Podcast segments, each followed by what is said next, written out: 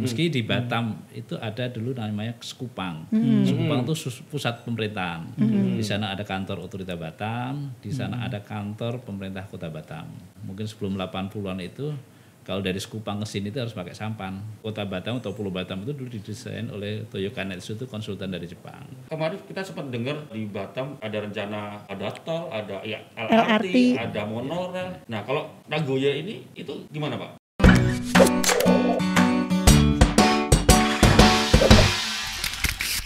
Buners kembali lagi di Tripod Tribun Podcast bersama Mas Danang di sini. Masih setia? Ya, masih nemenin setia. Kita lagi jalan-jalan di Nagoya. Iya, hari ini kita keluar dari studio kita ya. Nah, di ini Batu seru nih. Ampar, tapi nggak jauh dari Batu Ampar. Yes, betul. Kalau di Jepang ada Nagoya, di Batam juga ada Nagoya ya, Mas ya. Nah, kita bersama Pak Agus selaku General Manager Project Citra, Citra Plaza Plaza Nagoya. Dan ada Pak Imam Bahroni ya. Iya, Imam Bahroni. Selaku Direktur Infrastruktur Kawasan BP Batam. Wah, apa kabar nih Pak? Apa kabar, Pak? Jadi ini eh, Pak Agus, eh, Pak Imam. Jadi hari ini kita ingin bahas kawasan Nagoya. Nagoya. Jadi kita melihat ada sesuatu yang sangat ikonik kita melihatnya dan kita akhirnya memilih numpang di eh, ini Citra. apa nih? Ini show unit ya Pak ya? unitnya Iya, show ya. unit. Show unitnya ya, kita, iya. Kita lagi numpang di tempatnya Citra- Pak Agus nih. Nah, numpang nih, Pak. Ngobrol-ngobrol soal Nagoya. Nah, Yes. terus nanti ngomongin Nagoya seperti apa, ke depan seperti apa, kita langsung bawa ahlinya, misalnya tokoh senior yang tahu lah. Iya. Kita bilang penguasanya gitu ya. Bisa Imam. Pak Imam ya, penguasa Nagoya ya Pak. Eh, eh, bukan preman tapi ini penguasa kebijakan gitu ya. Kita bawa Pak Imam. Pak Imam. Ke sini untuk ngobrol-ngobrol cari tahu eh, Iya, seperti seperti- apa Nagoya ke depan. Ya, karena kalau nggak ke Batam, kalau nggak kena, kalau udah ke Batam, kalau nggak ke Nagoya katanya nggak sah ya Pak. Iya. Enggak saya. Nggak sah Pak. Iya. Gitu. Aku yang sering sering apa? Jadi pertanyaan kalau mungkin teman-teman di luar Batam nih, mengenai, uh, Nagoya eh, identik dengan istilah nama Jepang. Tapi itu di Kita- Jepang Pak. Iya. Di Jepang dia dari daerah yang padat. Heeh. Nah, kalau di Batam sendiri gimana nih Pak? Ya kalau kita lihat juga padat juga. Padat juga ya. Nah, kita tanyakan ke Pak Imam. Iya. Pak Imam, eh, kenapa namanya Nagoya? Selamat sore Mbak Nita. Iya, sore, Pak Agus. Jadi ini ngobrol-ngobrol tentang Nagoya. Jadi memang di Batam itu agak unik memang. Nah, nama-nama tempat itu agak aneh ada namanya Bukit Senyum. Ada, Ya, Bukit Senyum. ada nama Janda Brias untuk pulau. Wih, apa tuh? Nanti Ada Pak? Ah, ada, ada pulau Janda, Brias antara Tanjung Uncang dan Sekupang itu ada kepulauan namanya. Gugusan itu namanya Kepulauan Janda Brias. Ah, itu episode selanjutnya ya Pak. Iya. Pak Imam. Kalau apa nama juga ada simpang di sini kayak simpang Frankie gitu.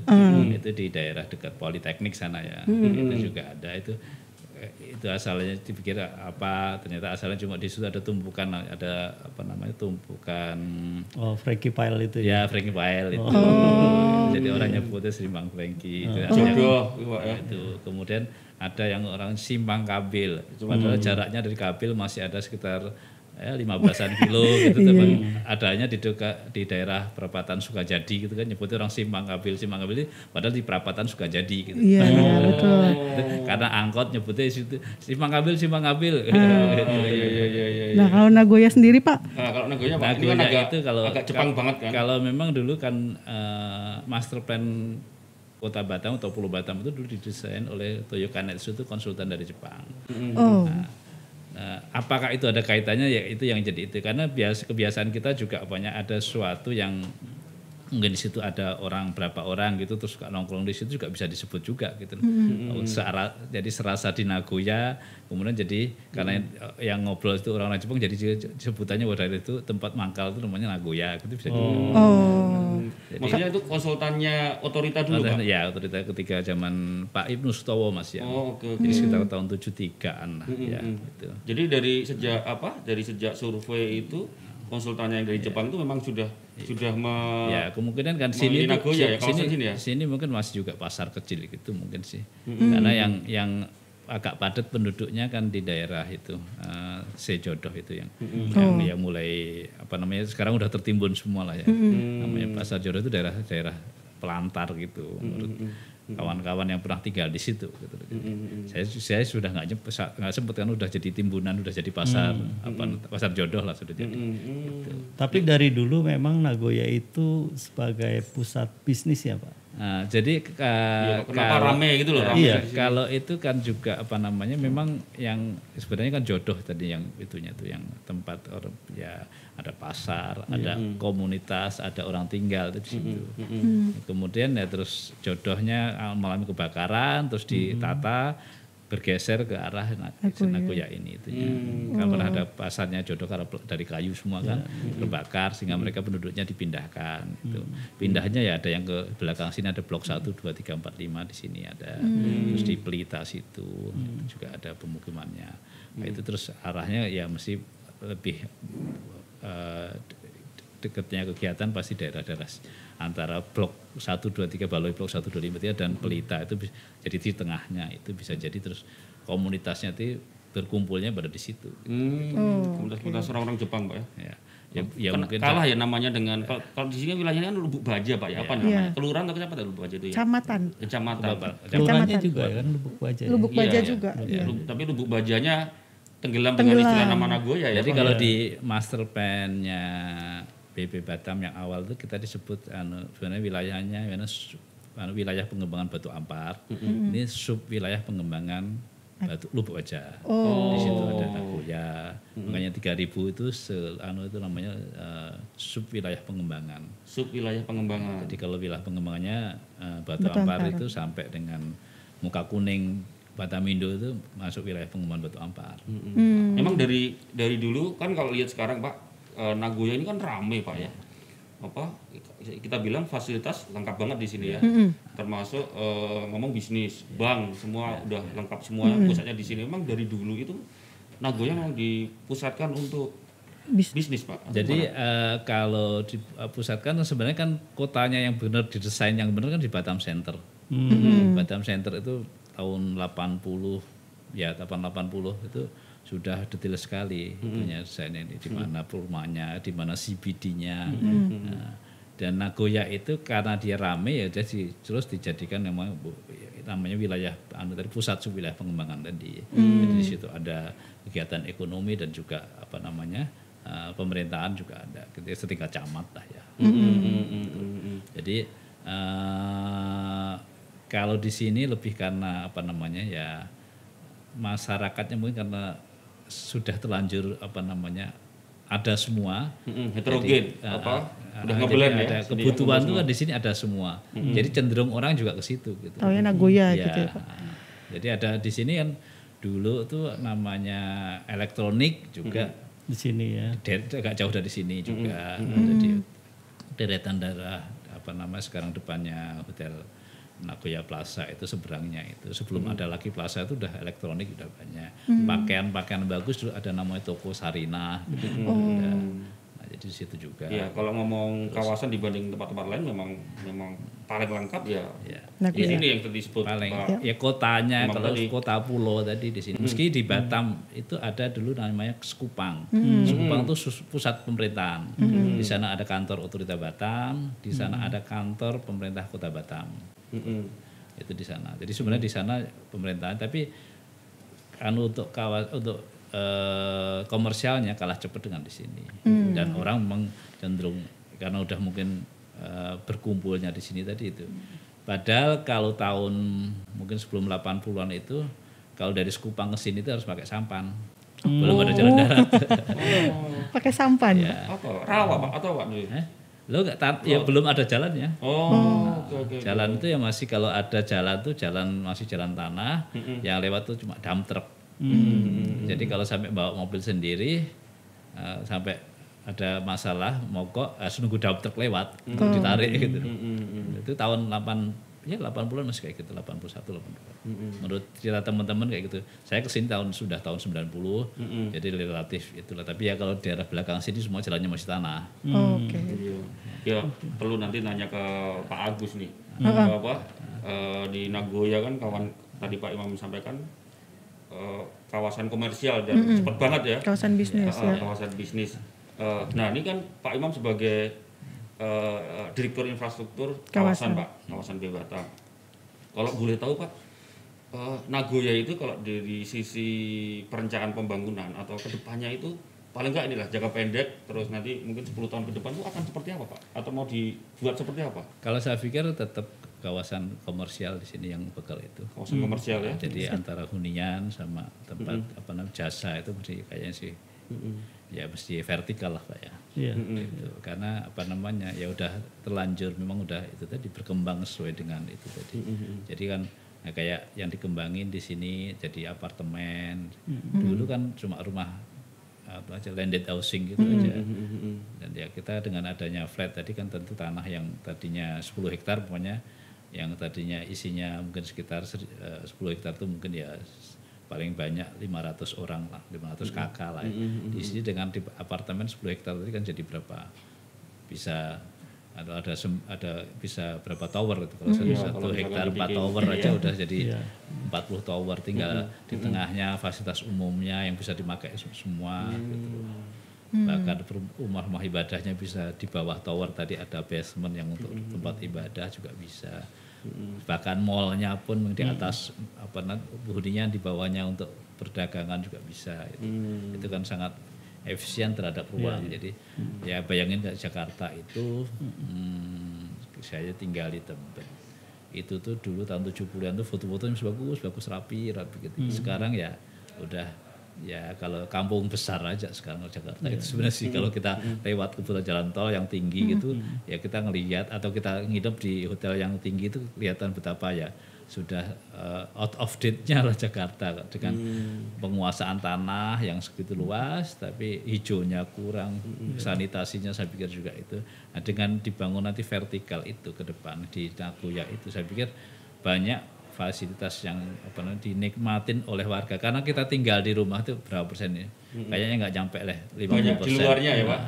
Mau nggak mau banyak Aktivitas menggunakan fasilitas di luar ya? Banyak, iya. kita kan nggak nyampe 50 persen waktu kita di di dalam rumah. Iya. Nah, Jadi saya pikir eh, dengan ada makin efisien kita menggunakan ruang itu semakin banyak yang bisa nikmati tanah tadi. Karena tanah nggak bisa diperluas lagi. Iya. ya, makanya kita bagaimana mengatur tanah tadi seefisien mungkin ya teknologinya sekarang harus rumahnya harus ke atas huniannya harus Oke, ke oke. atas.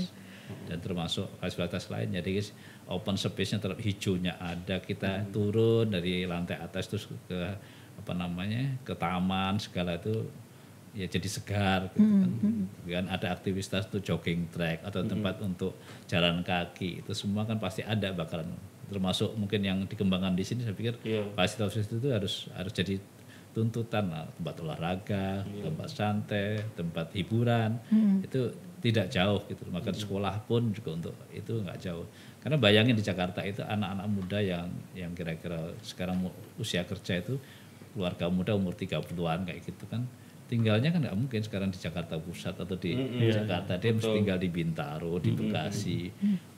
Habis waktunya kalau sekarang itu kalau dua jam aja sehari di perjalanan itu udah bagus banget pasti di atas tiga empat jaman sehari di jalan dia. Betapa ke kerja empat delapan jam banyak. Di jalan empat jam kan satu satu setengah jam. Iya, satu setengah kali.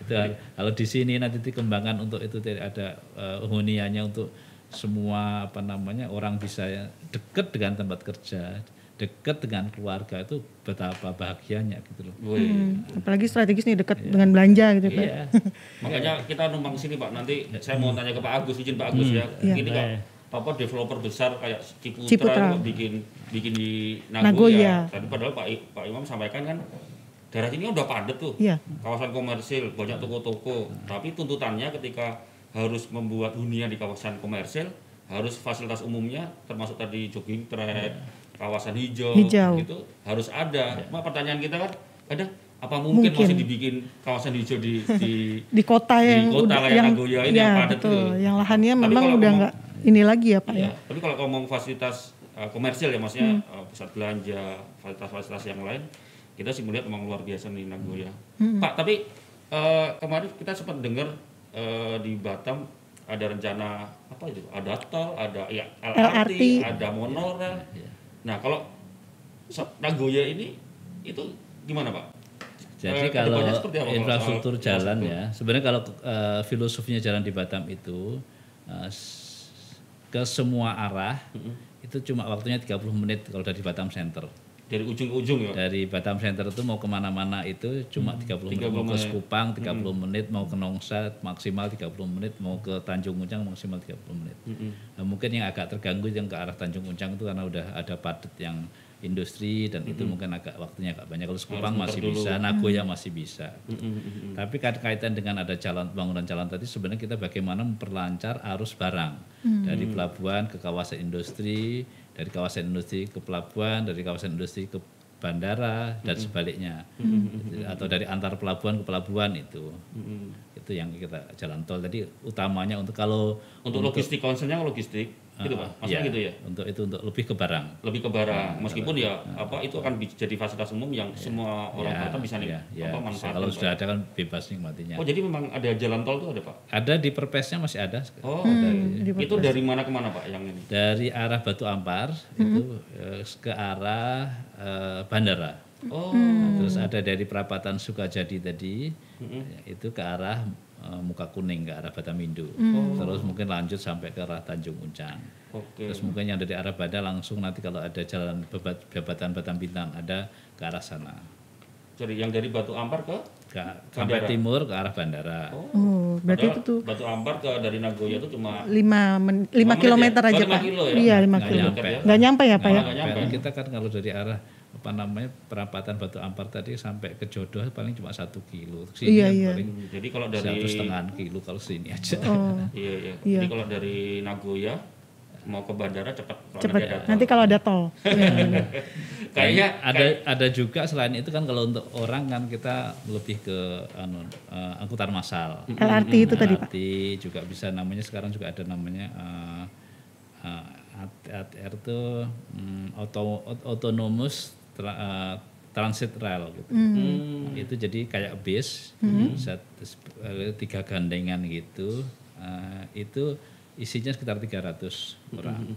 Jadi itu nggak perlu apa namanya apa nggak perlu rel, cukup jalan yang ada dikasih apa namanya eh, ya sekarang IT kan yang nanti dia udah dikontrol pakai itu. Oh, wih. Jadi, kalau mungkin di searching di itu di apa di Google adalah ATR atau apa. Itu di Cina di kota Cina ada berapa tempat yang udah kayak gitu. Iya. Tapi itu, itu nggak pakai B, anu, apa namanya eh, BBM pakainya eh, list, pakai baterai. oh baterai. Baterai di cas dua- 10 menit itu bisa untuk 25 kilo. Tapi itu udah jadi master plan juga maksudnya. Ya itu salah satu alternatif yang yang ada yang, yang ada master plan sekarang LRT sama tol Tol. MRT. Jadi kalau LRT-nya atau MRT-nya tadi dari arah bandara sampai dengan ke arah Batu Ampar melalui Batam Center. oke Terus dari Batam Center dari apa namanya kantor Yuda itu ke arah selatan, Bat- Muka Kuning sampai ke Tanjung Uncang.